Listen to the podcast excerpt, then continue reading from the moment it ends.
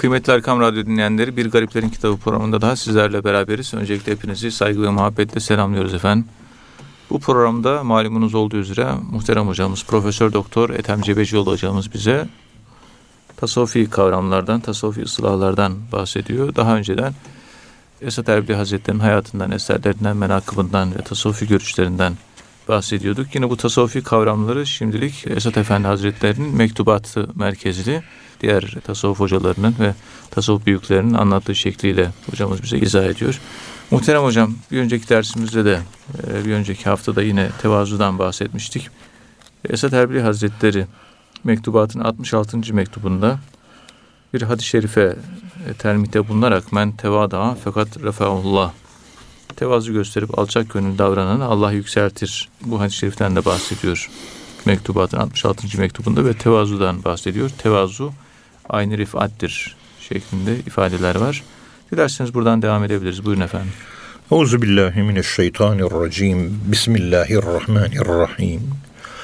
Elhamdülillahi rabbil alamin. Ves salatu vesselamu ala rasulina Muhammedin ve ala alihi ve sahbihi ecmaîn. Efendim Esad Erbili Hazretleri Kuddisesi Ruh Efendimiz tevazunun bir ayn olduğunu söylüyor. Evet. Ayn yani bir felsefi dilde a priori diyorlar. Evet. Yani ilk olan yani merkez olan Herkes. kendisi yukarıda aşağıya malzeme veren Evet. Veren el durumunda. Aynı. Yükseklik tevazu arkesinden, a priorisinden, Evet. tevazu nomeninden, özünden yüksekliğe malzeme veriyor. Demek ki tevazunun kendisi yücelmenin temeli ve kökeni olmuş oluyor. Evet. Ben yükselmek istiyorum. Cevap alçal. Evet. Yani Firavun gibi ene rabbukumul a'la deme. Güzel peygamberimizi namaz kıldırırken Firavun'un o sözlerine sıra geldi ayeti kerimede. Ene rabbukumul a'la. Evet. Ben sizin yüce Rabbinizim. Firavun'un sözü. Ayet bu Kur'an'da. Arkada namaz kılan Hazreti Ömer namazın içerisinde birden kendinden geçti. Hayır, olamaz, hayır, olamaz diye üç defa bağırdı namazın içinde. Allah. Akıl baştan gittiği için, akıl başta olmadığı için Evet. bu namazı bozmaz. İhtiyari değil. İhtiyari değil. gayri ihtiyari olarak söylenmiş istemsiz bir çığlık. Evet. İşte burada ayn belirme, ortaya çıkma, gözle görülür hale gelme. Evet. Bu taayyün-i saniyede Allahü Teala'nın sıfatları taayyün evvelde birbirine girmiş toplu haldeyken taayyün-i saniyede vahdül vücut ve vahdül şuut düşüncesinde Evet. taayyün-i saniyede ikiye ayrılıyor. Parça, e, parçalanıyor. Her bir sıfat ben buradayım diyor. Ama bir önceki pozisyonda toplu haldeler. Daha önce Allah'ın zatından başka bir şey yok. Sıfat muvat da yok. Hiçbir şey yok. Hiçbir şey. Ne olduğunu bilmiyoruz. Mutlak kayıp Evet. yani ona işte absolute absence diyorlar. Batılılar bu ifade yok. Mutlak işte bilinmeyen. Absolute unknown. Evet. Bunlar ne olduğunu bilmiyoruz. Absolute unknown kelimesi daha doğru. Az önceki ibareden ziyade. Şimdi üçüncü mertebe bizim ulaşabileceğimiz ikinci determinasyon, second determination dediğimiz ve taayyün thani ye kadar biz ulaşabiliyoruz. Sıfatlara kadar ulaşabiliyoruz. Evet. Orada isimler var. Sıfatlar var. Oraya kadar ulaşabiliyoruz. Geçen doktora dersinde muhterem kardeşim Mahmut Yörel Kılıç'ın hazırlamış olduğu doktora tezinde Şeyh Ekber anlatan kitabında Tayyün-i Sani okurken ben diyor mesela benim adım Ethem. Tamam. Evet. Peki etemlik nerede? E işte o etemlik benim hakikatim. Kağıt burada bak. Elim tutuyor kağıdı. Bak bardak burada. Gözüm görüyor. Elim tutuyor bardağı. Evet. Bardaklık ne?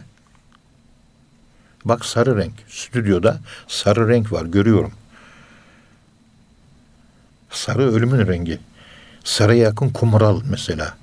Ben kumral renkli insanları daha çok severim. Çünkü bana ölümü hatırlatıyor. Evet. Peki sarılık ne? Sarının hakikati sarılık. Ethemin hakikati etemlik. İşte taayyünü sanide esma benim hakikatimi besliyor. 99 tane isim var. Halbuki ince bir çalışmaya göre 138 tanedir. Ama Mudn Arabi ve İbn Hazm el-Endelusi'nin El-Muhalla adlı eserine göre de 82'dir. Mudn Arabi'ye göre 82. Kur'an'da geçenler tabii bunlar. Evet. Kur'an'da geçen. Geçmeyenlere katarsanız 135 yılı 138'e çıkarılıyor. O 99 işte ortak olarak o hadis-i şerif Evet. böyle bir ortayı tutmuş ve tam ortayı bulmuş ortada. Aslında Allah'ın isimlerinin sayısı yok. Sonsuz varlığın sıfatları ve esması da sonsuz olarak aslında bu. Sınırsız. Kul olarak bize 138'i gözükebiliyor. Ondan sonrasını bilmiyoruz ki. Evet. Sınırsız ama bize bu kadar. Evet, bu kadar geliyor. Evet. Şimdi her şeyin bir hakikati var. Benim hakikatim Allahü Teala'nın isimlerini ben istimalu esmaillahi teala Allah'ın isimlerini amel olarak yansıtırsam Evet. hem halife olurum hem de hakikatime ulaşmış olurum. Ve muhakkak derler bana. Hakikati bulmuş insan derler bana. Evet. Benim içimde bir böyle nüve halinde, çekirdek halinde ethemlik var. Onu ben nasıl büyüteceğim? Evet. Onun toprağını nasıl su vereceğim? Ona nasıl zikir güneşleri doğuracağım? iman güneşleri doğuracağım? Nasıl hararet ateş olacak? Nasıl ortaya çıkacak? Yapraklanacak, dallanacak, budaklanacak, çiçekler açacak ve meyve verecek. İşte Esad Erbil Hazretleri tevazuyu işte Allahü Teala'nın el hafız er rafi' Esması. gibi isimlerinden beslenen Hmm. ve müzil ve muiz isimlerinden beslenen bir insan arkesi olarak görüyor. Evet. Bir aynıdır ve ayanı sabit, sabit değişmez bir aynıdır. Oraya yükselişini ifade ediyor. O tevazu denilen ayn yani ilk olarak ortaya çıkan ondan beliren sudureden değil. Sudureden deyince eski Yunan felsefesi Platones'e kadar gideriz. Eflatun'a kadar gideriz. Sudur yok bizde. Evet. İşin yok. Zuhur var. Zuhur. Aralarında şüphesiz ki bunların hep fark var. Ben burada anlatmaya çalıştım teminden beri. Tevazu ben bir kulum, bir insanım. Benim arkamda büyük bir hakikat var. Tevazu bu hakikatin dikkat edin bir yönü. Parçası değil. Hakikat parçalanamaz. Hakikat tektir. Ama gözle görülen bir yönü ve sıfatlarla, isimlerle alakalı. Esmadan kabil olarak benim ethemliğim Evet. gıdasını alır. Ve tevazu arkesinden, aslımdan bu şekilde beslenmeyi ben sağlayabilirsem ben de yücelik meydana gelecektir. Meyvesi. Hani ağaç doğar, büyür, gelişir, dallanır, budaklanır. Bildiğimiz bir şey. Her zaman anlattığımız bir konu bu. Evet. Fakat en sonunda bir çiçek açıyor bütün hepsi. Çoğalma ile alakalı. Şeceretül hulk ile alakalı. Ve çiçeğin ortasına bir böcek konar. Dölleme yapar. Yani orada yapılan dölleme ile bir meyve meydana gelir Bu o meyve tatlıdır daima. İstifadelidir, yenilir ve içilir daima. Evet. Şimdi yeri gelmişken bunu da ifade edeyim. Esad Erbil Hazretleri üzerinden anlatmak istiyorum. Buyurun hocam. Şimdi her zaman bizim söylediğimiz bir söz var. Sık sık söylüyoruz. Karşılaştığımız işe geçen doçentlik jürisi vardı. Orada da arkadaşlarla bunu kendi aramızda bir müzakere, karşılıklı görüş, tartma, tartışma ne yapar, nedir diye debating diyor Avrupalılar buna. Debating.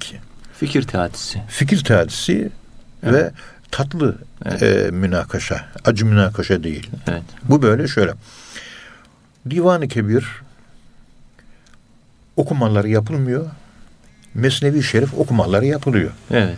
Tarihte Mesnevi Han'ın kürsüleri vardı. Ayasofya Mesnevi Han kürsüsüydü diyor. Sultanahmet'e Evet. Mes- Mesnevi okurdu diyor. Ezbere bilirler diyor falan. Bir takım bir şeyler anlatılıyor. Evet. Divan-ı Kebir okumaları tarihte de yapılmamış, şimdi de yapılmıyor. Doğru mu? Doğru. Yok yani. Yok. Divan-ı Kebir okumaları yok. Çünkü Divan-ı Kebir anlamak için değil, yaşanmak içindir. Huzur içindir. Evet. Direkt meyve yöneliyor. Meyvedir yani o. Çiçek.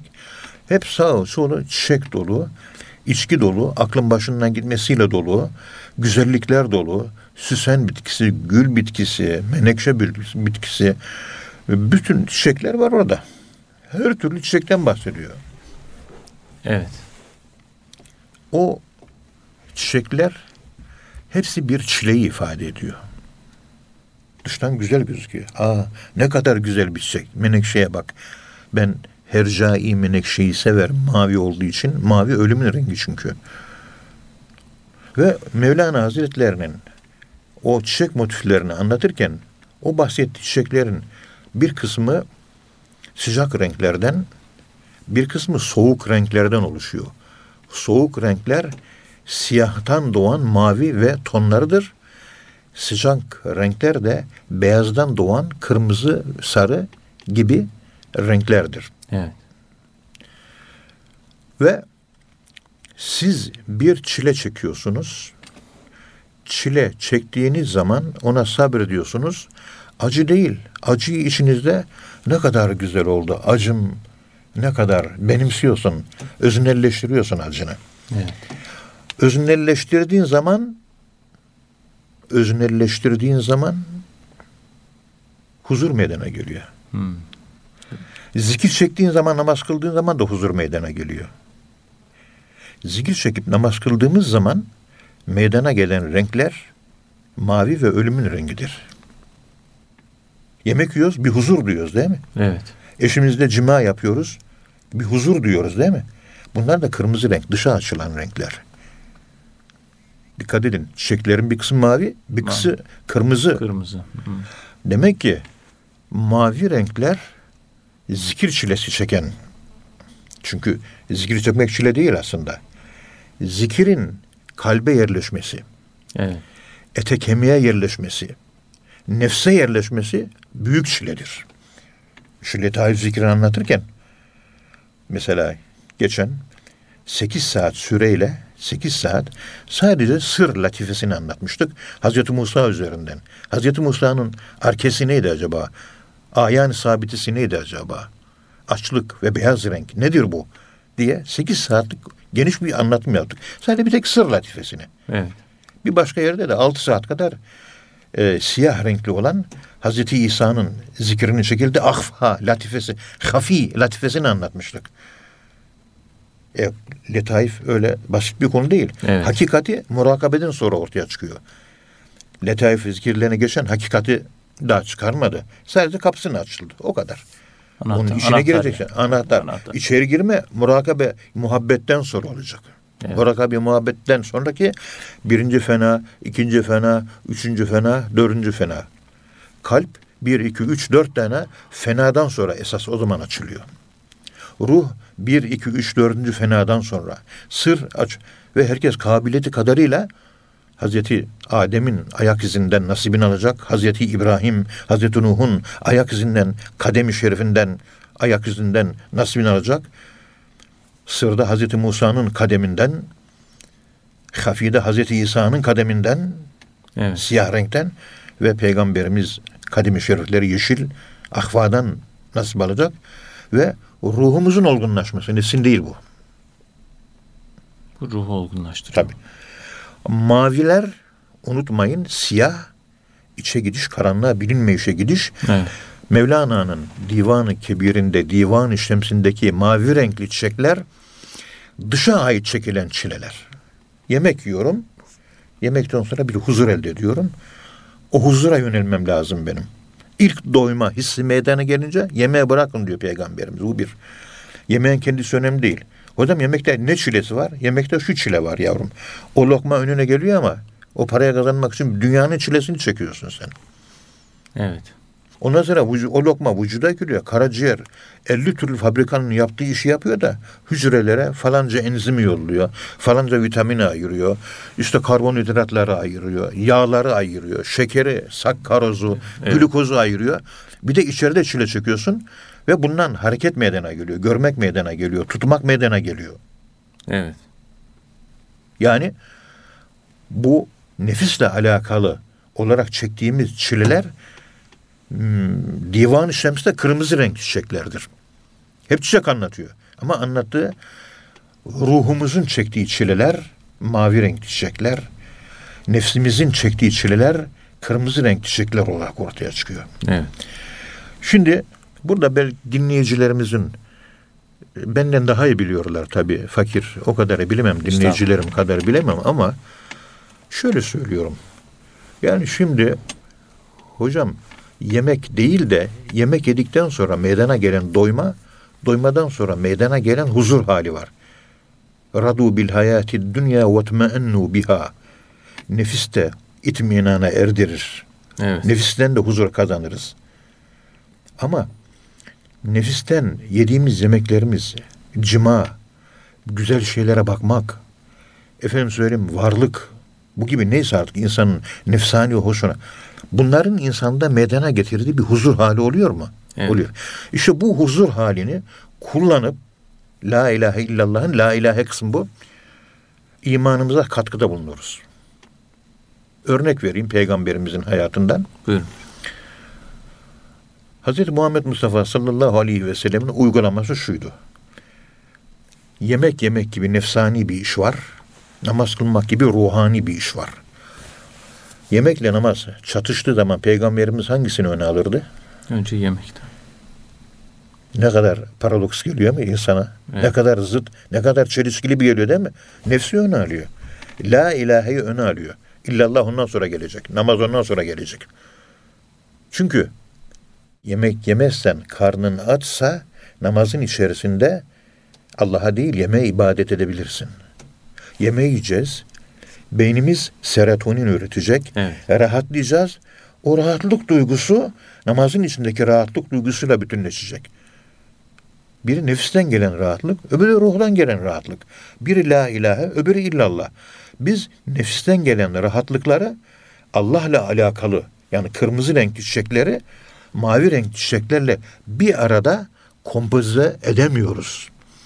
İşte burada ben fa- fakir sadece anlattığım Mevlana Hazretlerinin Kuddüsü Ruhul Aziz Hazretlerinin Mevlana dedemizin Divan-ı Kebir'indeki çiçek anlatımındaki çekilen çileyi anlatmaya çalışıyorum.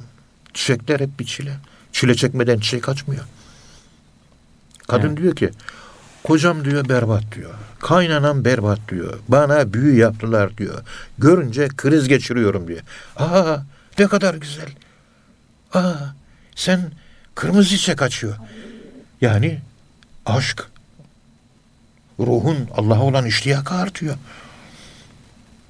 Sen efendim söyleyeyim yani rengi kırmızı bir çiçeksin. Ve acaba sende hangi meyve meydana gelecek? Kırmızı renkli çiçek. Nedir? Erik mi acaba? Çıktım erik dalına. Anda yedim üzümü çile çekeceksin. Üzümü Evet. ondan sonra yiyeceksin. Yani bakın bu yap bir tasavvuf hocasısın sen. şu yaptığım yorumu ilk defa duyuyorum. İlk defa duyuyorum. Evet hocam. Bu Divan-ı Kebir'in şifrelerinden, çözüm şifre, yüzlerce şifreden bir tane dili. Televizyonlardaki o medyatik sosyal dilin üzerinden İslam anlatılıyor. 150 düşünce klişesiyle anlatılıyor. Halbuki İslam dini 150 e, düşünce klişesiyle anlatılamayacak kadar büyük ve İslam dininin hikmet yönü olan Divan-ı Kebir gibi eserler 150 kelimeden daha fazla, 1500 kelimeden düşünce kalıbından daha fazla, daha öte bilemediğimiz sezişle alakalı bir boyut var. İşte orada başlıyor olay. O zaman çiçekler açıyor. O zaman daha zengin bir İslam'ı yakalayabiliyoruz. Evet. Tasavvuf düşmanları bu tasavvuf erbabının yazdığı eserleriyle İslam dinini toprağını besleyip aşkını, güneşini verip dallandırıp bulandırıp ve büyütüp tatlı tatlı meyveler verişinin verişindeki tekamülün farkında değiller. Allah tekamül istiyor dinde. Tekamül için de işte dinin böyle çilesini çekim. La ilahe de çiledir, Allah da çiledir. Evet. Onun için peygamberimiz bu çileye işaret etmek üzere La ilahe illallah demek çok zor diyor. La ilahe illallah demek çok zor diyor. Biz su, kaymak, bal zannediyoruz la ilahe illallahı. La ilahe illallah diyen pek fazla bir adam göremedim ben. Yaşım 67 oldu, ihtiyarladım. Yok öyle. La ilahe diyen hiç yok. Çok az insan var. İllallah'a sarılan çok. Onlar da yapamıyor. Yani kırmızı çiçek açamıyor. Aşk çiçekleri, ateş, hararet. Öbür nefisle alakalı ölümlü nefis, rengi mavi, ölümün rengi mavi. Dücan Öcündoğlu güzel makale yazmıştı. Okudum geçenlerde. Biz maviyi biliyoruz doğu olarak. Avrupa maviyi bilmiyordu. Ayasofya'ya gidin. Ayasofya'da mavi renk yoktu diyor. Müslümanlar aldıktan sonra içindeki bazı mavi unsurlar meydana geldi. Tesip, süsleme sanatı olarak. Mavi çünkü ölümün rengi. Evet. Batı ölümü tanımıyordu. Biz La ilahe illallah ölümü ifade ediyor. Nefsin ölümü, ruhun ölümü. Haçlı seferlerinde Anadolu'ya girdikleri zaman maviyi, patlıcan morunu Anadolu'da gördüler. Bizim Selçuklu camilerin tamamında mavi ve koyu mavi yani mavi ile siyahın arasındaki renge patlıcan mavisi diyorlar. Hakiki mavi odur. Evet. Turkuaz mavisi değil. Ama ölümün rengi. Koyu mavi. Biz hayatı yaşıyoruz kırmızılarla, kırmızı çiçeklerle. Ama bu hayatın ölümle terbiye edilmesi lazım. Onun için herkesin mezarı kendi evinin avlusunda olması lazım. İlhan Armutlu Armutçuoğlu hocamızın ziyaretine gittiğimizde sabah namazlarından sonra muhterem refikasının e, arkada e, caminin yan tarafında mezarı var. Evet. İşte öyle olmalı. Yani ölülerle iç içe, hayatın ölümle iç içe olması lazım. Hayatımızın terbiye edilmesi için. Biz ölümü kaybettik. Mezarları 20 kilometre dışarı attık. Maviyi kovduk hayatımızda. Hep kırmızı yaşıyoruz. Bu da modern insanı açmaza götürüyor. Akılcı yapıyor. Ve akıllı var, fikri yok insanlar üretiyoruz. Evet. Ölüm fikir doğurur. Hayat akıl doğurur. Akılla fikir bir arada olacak. Akıl ve fikir aynı şey değildir.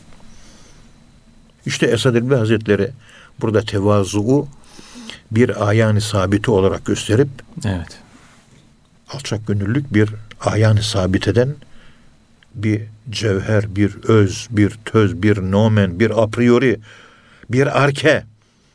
O benim işte hakikatimiz bu. Acaba ben tevazuuma nasıl ulaşacağım?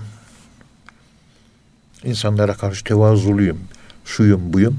Ama fıkıh konusunda Serahsi'nin Mesut'unu okurken ben Allame-i Cihan'ım konuşurken böyle ders verirken işte İslam hukukuna göre diye başlıyorum. Karşıdakileri siz küçüksünüz ben büyüğüm ha görüyor musunuz diyorum. Bir ilim adamı olarak tevazumu orada kaybediyorum. Ama diğerleri de tevazuyu kazanıyorum ama. Çok bildiğimleri de kaybediyorum. Her Onun alanda için tevazu gerekiyor. herkesin aşkı neyse herkes aşkıyla imtihan olur. Tevazu bir e, arke, temeldir yani. Temel demek onun üzerine binamızı, insanlık binamızı inşa edeceğiz. tevazu üzerine okulumu, okul hayatımı, tevazu üzerine aile hayatımı, tevazu üzerine tarikat hayatımı, tevazu üzerine sosyal hayatımı, tevazu üzerine ekonomik hayatımı, tevazu üzerine siyasi hayatımı Evet. dikeceğim, bina edeceğim. Şimdi siyaset alanında tevazular var mı? Sosyolojik alanda tevazular var mı? Dini hayatımda tevazum var mı? Okuldaki meslek hayatımda tevazu var mı? Aile hayatımda tevazu var mı? Evde gidiyoruz modern insan Evet. yorgun geliyor hanımının yüzüne bakmıyor. Evet. Aile merkezleri kurulmuş. Gittikçe de sayısı artıyor. Çünkü Abdülhamit Han döneminde bundan 120 sene önce boşanma oranı 10 binde 17 idi. Evet. Şimdi 10 binde 4 bin oldu. 100 senede memlekette ne değişti? Ya. Eski neydi? Yeni neydi? Eski gelenekti. Anladım tamam doğru gelenek. Ama yeni gelen getirilen şey de gidenek oldu. Hep gelenekçi diye bize hakaret ederler. Evet. Gidenekçi. O aile yapısının sağlamlığı kayboldu. Yani gitti. Gidenekçilik, modernizm bu. Birikimlerimizi bonkör bir miras gibi durmadan dağıtıyoruz. Misafir ağırlamak, fakirlere acımak, merhamet, büyüklere saygı, küçüklere sevgi, öyle söyleyeyim, ideal bir insan olma e, savaşı, cömertlik, asalet, namaz, iman, İslam, hizmet bunlar kayboldu. Gidenek. Maalesef. Peki. Gelenekçilik var. Modern insan gidenekçi oldu. Ve 10 bin ailede 4 bin aile boşanıyorsa toplum sağlam mı demektir? Aile en temel Din şey. duygusunu çektiğiniz zaman Aile Mahmut tam- Esat Bozkurt Türkiye Büyük Millet Meclisi Cumhuriyeti kürsüsünde Hristiyan olalım diye bağırıyordu. İtiraz edenler susturuluyordu mecliste. En sonunda münakaşa şiddetlenince devlet başkanı bu tartışma için vakit erken dedi. Demek ki bu tartışılacak. Şimdi Yaşar Nuri Öztürk ölürken ben deistim dedi gitti. Ne demek deist? Allah'ı tanıyorum ama peygamber, kitap, din, iman tanımıyorum demektir. Allah'ı tanıyorum. Deist bu. Din Evet. yok. Din yok. İnsanlar ayırıyor diyor. Kitap o da insanları ayırıyor diyor. Peygamber o da insanlar. Hiçbirini kabul etmiyorum. Deistin manası bu. Ateistin daha beter. Ateisti anlatıyorum derdimi, deisti anlatamıyorum. Maalesef. Biz daha deizm üzerine daha konuşma ve tartışma yapmadık. E, Müslümanlar deizme doğru gidiyor. Protestanlaştıkça, akıl İslam'ı ürettikçe, kalp İslam'ını terk ettikçe, akılcı İslam yüzü donuk, soğuk, dinden soğumuş, geleneklerin getirdiği o güzellikleri, zenginlikleri terk eden, fakirleşmiş bir Müslüman haline geldi. Ne yapacağız bilmiyorum. Yani bizim derdimiz, bir yandan İslam düşmanları ulaşıyoruz. Evet. Bir yandan ekonomik savaşlarımız var. Bir yandan kültürel savaşlarımız var. Toplum gidiyor. Sosyolojik savaşlarımız var. Psikolojik savaşlarımız var. Medya savaşlarımız var. İman savaşlarımız var. İslam savaşlarımız var. Politik savaşlarımız var. Kendi nefsimizde savaşlarımız var. Bir de bunlarla bizim gibi Müslümanlarla boğuşuyoruz. Evet bir de o var. Ulema nereye? Altınoluk dergisinde yazdık. Hindistan'da ulemayı parayla satın almışlar. İngilizler ulema İngilizlerin doğrusunda fetva vermiş. İngilizlere isyan eden asidir, öldürülür diye fetva var. Altınoluk dergisinde bunlar önümüzdeki sayı yayınlanacak. Evet. Molla Kasım geldi İran'dan. Molla Kabız geldi. Bu ayki yazı o. Ulema nereye? Parayla satın almış İngiliz. Ne yapmış? Vermiş parayı satın almış, fetvayı satın almış. Fetva. Ulema nefis terbiyesi olmadığı için rahatlıkla, utanmadan, sıkılmadan parayı almış, onların lehinde fetva vermiş. Ama Sufiler 17 direniş meydana getirmiş 198 senede Hindistan'da. Tasavvuf erbabını satın alamıyor. Çünkü parası çalışıyor. Parayla çalışan zihniyeti satın alabilirsin sen. Amerika'dan geliyor. Cebinde 10 milyon dolar var. Şu falanca ulemayı çağırıyor. Ben diyor sizin fikirlerinizi beğeniyorum efendim diyor. Otelimize gelir misiniz diyor. Agra'da, Hindistan'da ve İslam hukuku hocası, alimi de gidiyor. Buyurun efendim ne arzu ediyorsunuz diyor. Ben diyor işte bir Müslüman diyor, zenginim diyor. Sizin çalışmalarınızı beğendim ben diyor. Ben size bir 10 milyon dolar vereyim diyor. Ve bu 10 milyon dolarla siz İşte çalışma yapın. Kendiniz harcayın. Efendim söyleyeyim bir gazete çıkarın, televizyon açın falan. Ama şu şu fikirleri de yayınlar mısınız? Odur efendim tabii diyor. Bir tasavvuf erbabı buna yapamaz. Seyri sürü çıkarmamış insan yapar. Falanca otelde Agra'da o dışarıdan gelen yabancı İngiliz zenginin 10 milyonu alıyor.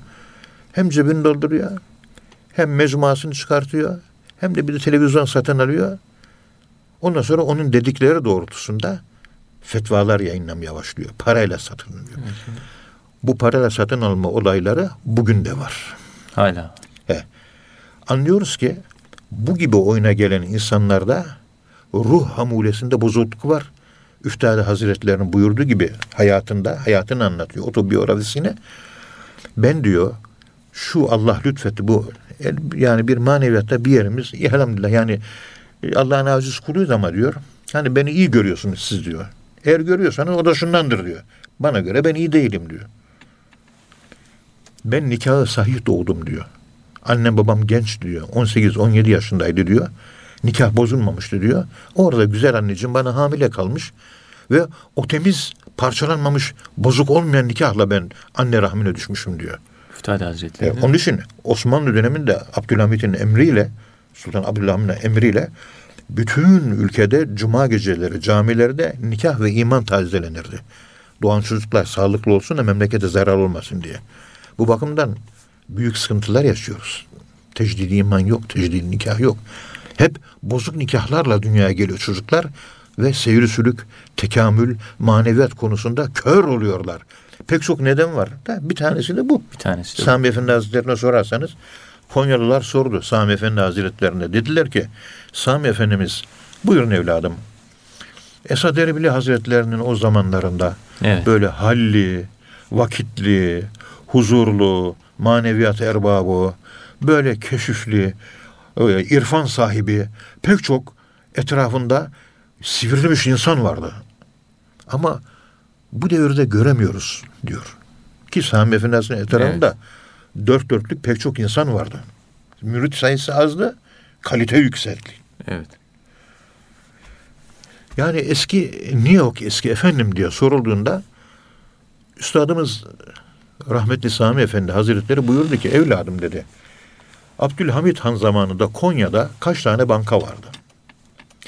Dediler ki efendim Mithat Paşa'nın kurduğu Ziraat Bankası'ndan başka bir banka yoktu. Tek banka vardı. Bir tane banka. Bir tane vardı. Peki evladım şimdi Konya'da kaç tane banka var? Efendim 120 tane var. Bak bu da bir sebep. Evet. Faizden besleniyorsunuz. Nikahlar da bozuk olunca otelde kendiniz size sunulan 10 milyon doları alıp ona göre verilen talimata göre İslam'ı çarpıtarak anlatıyorsunuz ve utanmıyorsunuz. Ahlaksızsınız. Çünkü nikahınızda bozukluk var. İşte ulemanın hali Hindistan'da buydu. Maalesef. Verilen paraya göre oynadılar. Çalınan düdüğe göre raks ettiler, dans ettiler. Sadece sufiler direndi. Şahsiyetini onlar korudu. Satın alınamaz. Sufi satın alamazsınız. Ben dervişin ta arkalarında bileyim. Arkadan gelen topal bir köpek olabilirsek en arkada en sonunda. Fakire ta bundan 30 sene önceleriydi. o 40 sene önceleriydi. 40 sene 80 olduğuna göre evet 40 sene olmuş. Ha, bana Diyanet İşleri Başkanlığı teklifi geldi. İmam-ı Azam'ın hissettiği duyguları hissederek gelir gelmez anında reddettim. Daha sonra bir yarım teşebbüs oldu. Dediler ki Ethem Hoca böyle bunlar kabul etmez. İsimsiz olmak istiyor. Hiçbir yerde gözükmek istemiyor. Evet. Ethem Hoca sadece Allah'a gözükmek istiyor. Şöhreti peşinde değiliz biz. Rahatlıkla reddettik attık. Tut kulağımdan at beni. Bir, öyle üzülmeyiz biz. Halid bin Velid Genelkurmay Başkanı iken er yaptılar. Değişiklik olmadı. Bizde de böyle. Bugün böyleyiz, yarın da öyle. Olabilir. Olabilir. Evet. Tüzüllü men te, tuizzu men teşâ ve tüzüllü men teşâ. İzzet sahibi yapması hak da seni zillete düşürmesi hak değil mi? O da hak, o da hak. İşte biz az önce bir önceki bölümde anlattığımız gibi çektiğimiz çileler biz o çilelere gülerek cevap verebilirsek Evet. nefisle alakalı çilelerinde mavi çiçek doğar. Açar. ruhla alakalı çektiğimiz çilelerde de kırmızı çiçek açar. Ve Mesnevi Divan-ı Kebir'de, Divan-ı Şems'te çiçekler, çiçek anlatımları bu. Kuş anlatımları da ayrı bir şey. Bir zaman gelir onu da anlatırım. İnşallah. Çiçekleri okurken bir, ruha açılan, Allah'a giden ölümle alakalı çiçekler, mavi renkli çiçekler. İki, kırmızı renkli, hayata açılan nefis üzerinden olan. ikisi de hak. La ilahe, kırmızı çiçek. İllallah, mavi çiçek. Hayattan ölüme doğru. Bu dünyadan Allah'a doğru. İnna lillah ve inna ileyhi raciun. Allah kelime tevhidde son. Orada bitecek. Yolculuk da onun için Allah sona gelmiş. Çile çekmek lazım. Kocan sana bağırıyor, çağırıyor. Kaynanan bağırıyor, çağırıyor. Arkadaşın seni eziyor. Efendim söyleyeyim, darda kalıyorsun. Seni dövüyorlar, sövüyorlar. Hepsine Hallacı Mansur gibi atılan dikenlere hep tebessüm ediyorsun. İrfan o zaman başlıyor. Acı olan yerde kriz geçirmeyeceksin güzel evladım.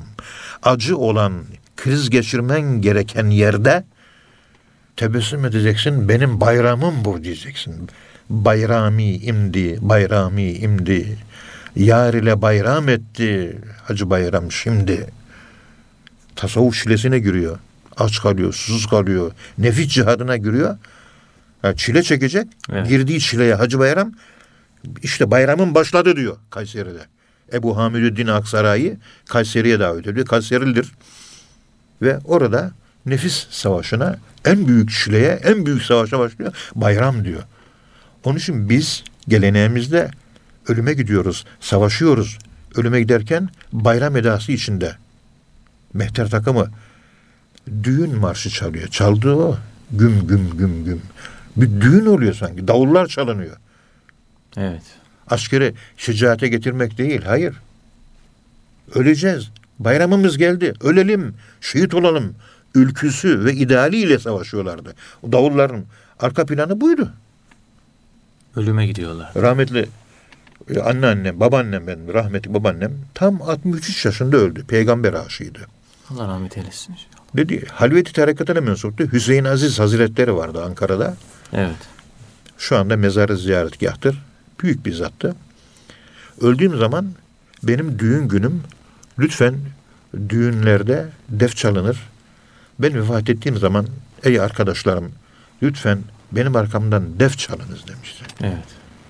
Cenaze yıkanmaya indiğinde ben 10 yaşında veya 9 yaşındaydım. Babaannemin yüzü cenaze halinde gülüyordu. Ve teneşir tahtasına kondu. Yıkanacak güzel babaanneciğim. Etrafında dervişler 15 dakika def çaldılar, ilahi okudular. Hani düğünlerinizi def ile ilan ediniz diyor ya.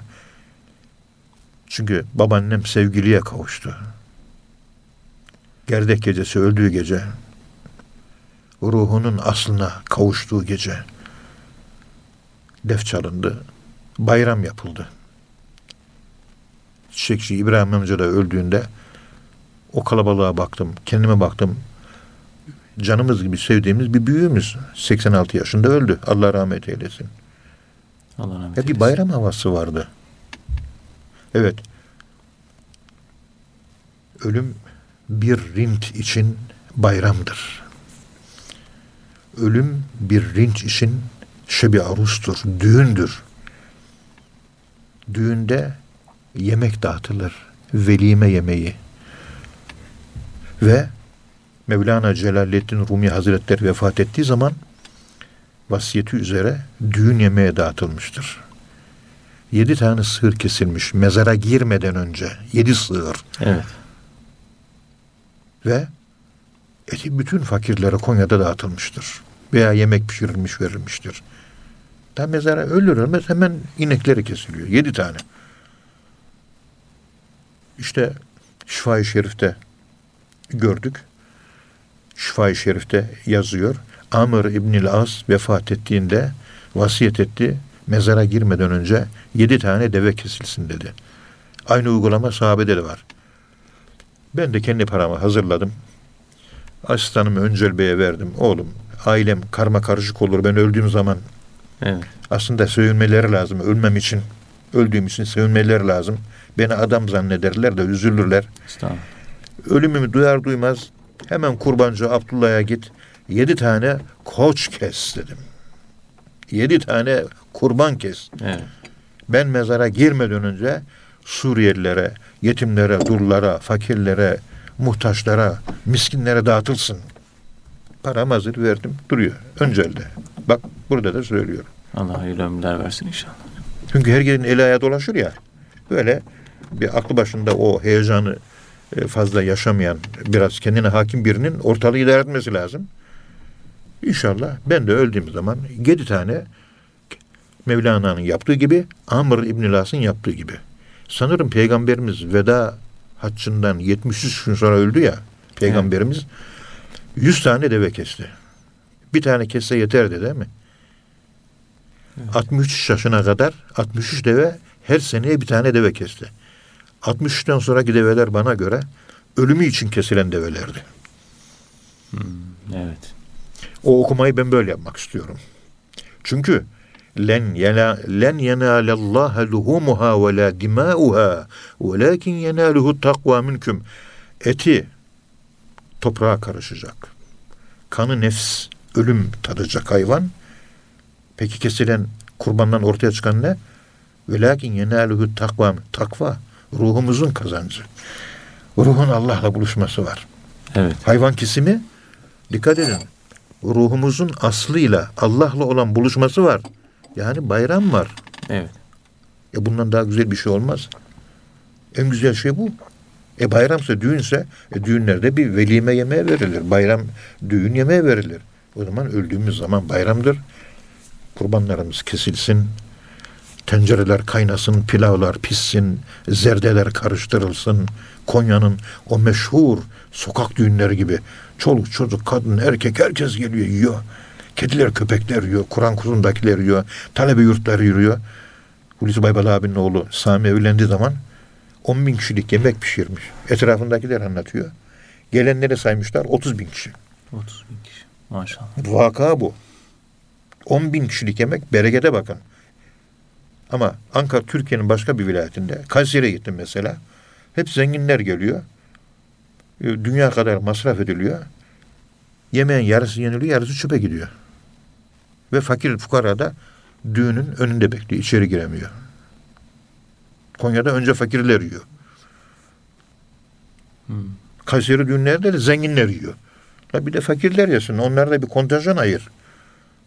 Bizim Mehmet oğlum gibi severim. Oğlum sen Kayseri düğünü yapıyorsun. Oradaki garsonlara söyle. Artan yemekleri dökmesinler. Topla. Hepsini Kur'an kursuna yolla. İmam Hatip okulu yurduna yolla. Talebe yurtlarına yolla. Fakirleri yolla. Yoksulları yolla. Suriyelilere yolla. Tam dediğim gibi olmuş. Yarısı yenmiş, yarısı yenmemiş. 30 bin lira para gitmiş. Dünyanın parası. Gelenler sadece zenginler. Fakirlere yer yok. Evet. Bunları güzel vahidçiyim. Hepsini bunların kaybettik. Nasıl toplanacağız, nasıl toparlanacağız bilemiyorum. Müslümanlar tükendi, tükettiler kendilerini. Yusuf Kaplan boşuna söylemiyor. İmam Gazali iman, Muğdin Arabi irfan, İbni Haldun hikmet diyor. Bu triangle'ı, bu üçgeni biz kaybettik. Ne hikmet var bizde, ne iman var bizde, ne irfan var bizde. Biz nasıl adam olacağız? Önce kendimi düşünüyorum tabii. Bununla konuşunca dinleyiciler vay Ethem Hoca bize hakaret ediyor. Yok yavrum be. Siz sütten çıkmış ak kaşıksınız. Fakir ben kendim halimi anlatıyorum burada. Ortak ben böyleyim. yani. Ya şu kendimi ben kendime konuşuyorum yani burada.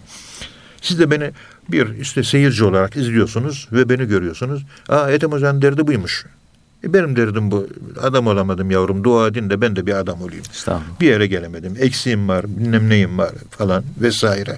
Tasavvufun derinliklerine, karanlıklarına daldık. Oralarda kaybolduk gittik. Ben de kendimi kaybettim. Hala kendimi bulamıyorum. Estağfurullah. Nereden öğrendik? Şu tasavvufun üst dilini kullanmayı. Keşke öğrenmez olsaydım.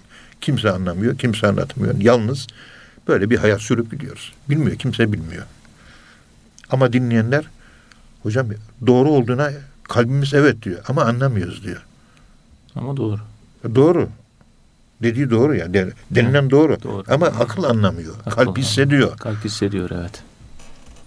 Bir açılış var. Bir şey var. Yani güzellikler aslında içinde çirkinlik var. Çirkinlik arasında güzellikler var. Güzellik ve çirkinlik izafi olduğu için ve çirkini de Allah yaratıldığı için çirkin de güzeldir diyor Muhyiddin Arabi Hazretleri. O zaman çirkini nasıl güzelleştireceğiz? Çirkin dediğin şeyi Allah yaratmıyor mu? Öyle. La ilahenin o ilahedeki çirkinliği Allah güzelliğine nasıl dönüştüreceğiz? İşte murakabeden sonra fena makamına erince ancak bu gerçekleşiyor. Şunu unutma vahid, herkes ejder gibi olamaz. Yani Yani maneviyat aleminde toplanıldığı zaman merak ettiğiniz yüzü kapalı perdeyle insanlar var. Onların sırlarına sahip olabilmek için ejder gibi olmak lazım. Ejder hep merak ediyor. O yüzü kapalı adam kim? evet. Bilmeyen bilir, bilen bilmez. Nedir bu? Sır içinde sır. Üst dil konuşuyorsun.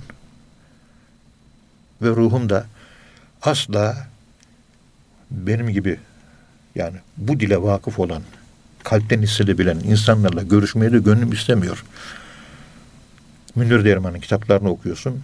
Uuu ne kadar güzel. Başkaları okuyor. Adama kafir diyor. İşte anlayabilmek için ejder gibi olmak lazım. Evet. Yani aklın anlaması değil. Kalbin sezmesi. Huzur. Yemek yedik huzur oldu dedi değil mi? O huzur o kullanabilmek meselesi. Yemeği kullanıyor da onun medene getirdiği huzuru namaza aktaramıyoruz. Çünkü yemek yiyeceksin ondan sonra namaz kılacaksın diyor. O zaman yemekte bir huzur var. Evet. O nasıl aktaracağız oraya? Bütün nefsani hareketlerimizde tatmin olunca nefis bir nefsin tatminine ön- değil. O tatminde meydana geliyor bir huzur. O huzurun içinde Allah gizli. İşte la ilahenin sırrı da o olmuş oluyor. E, şimdi buraya kadar olanları siz kalkıp da mesela tevazuyu anlatırken e, kibiri ben anlatmam. La ilahe ile alakalı bir keyfiyet. Bu tevazu kibirin içinden çıkıp gelmiyor mu? Tabii ki. Her şey zıttından çıkmaz mı? E şimdi kibiri anlattığını zaman kibir çirkinliğindeki tevazu çiçeğini ben nasıl doğuracağım? Kibirlikten vazgeçip tevazuya inmek bende acı meydana getirecek. O acıya ben güleceğim. O acıya güldüğüm zaman bende huzur meydana gelecek. Razıyım. Radiyeten merdiye olacağım. Allah benden razı. Ben, o da benden razı olunca huzur duygusu, mutmainne duygusu. Ondan sonra fethuli fi ibadi. Ondan sonra kul oluyorum. Ondan sonra vedhuli cenneti. Cenneti yaşamaya başlıyorum. Onun için büyük Allah dostları çileler geldiği zaman, çoğaldığı zaman gülerler. Oh, oh ne kadar güzel oldu. ne kadar iyi, ne kadar güzel.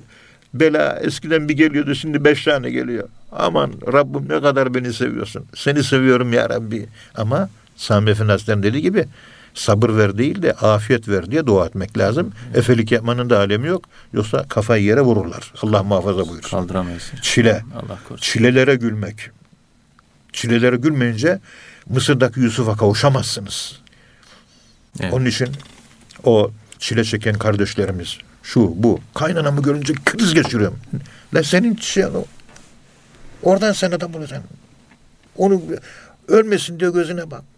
Sevin. Onu görünce gül. Gül olursun.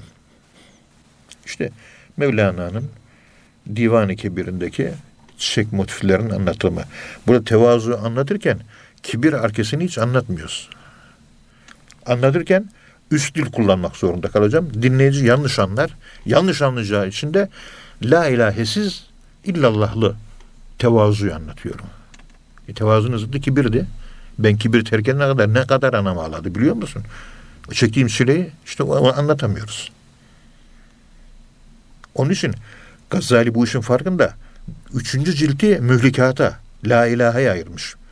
Dördüncü cilti de münciyata, illallah'a ayırmış. Evet. Kurtuluş, illallah, Allah'ta, illallah kısmı. Son, en son atmış onu. La ilahi ifade eden, nefisle alakalı kavgaya da mühlikat bahsi, helak ediciler bahsini de üçüncü cilde koymuş. Gazali bile bunun farkında, ona göre eserini tertip ediyor. Önce la ilahe diyor, ondan sonra illallah diyor. Bizde la ilahe yok. La ilahe olmayınca men arefe nefsehu olmayınca fakat arefe rabbehu da yok. Ondan sonra ehli tevhid. Neren senin ehli tevhid oğlum ya? Allah önce Ethem Hoca'yı ıslah etsin. Estağfurullah. Evet. Evet hocam Allah razı olsun. Ağzınıza sağlık. Muhterem dinleyenler. Hocamıza çok teşekkür ediyoruz. Çok güzel bir program oldu. Allah razı olsun. Hocamızın ağzına sağlık. Bir programda bu şekilde sonuna gelmiş bulunuyoruz. Bir sonraki programda tekrar buluşmak ümidiyle hepinizi Allah'a emanet ediyoruz. Hoşçakalın efendim.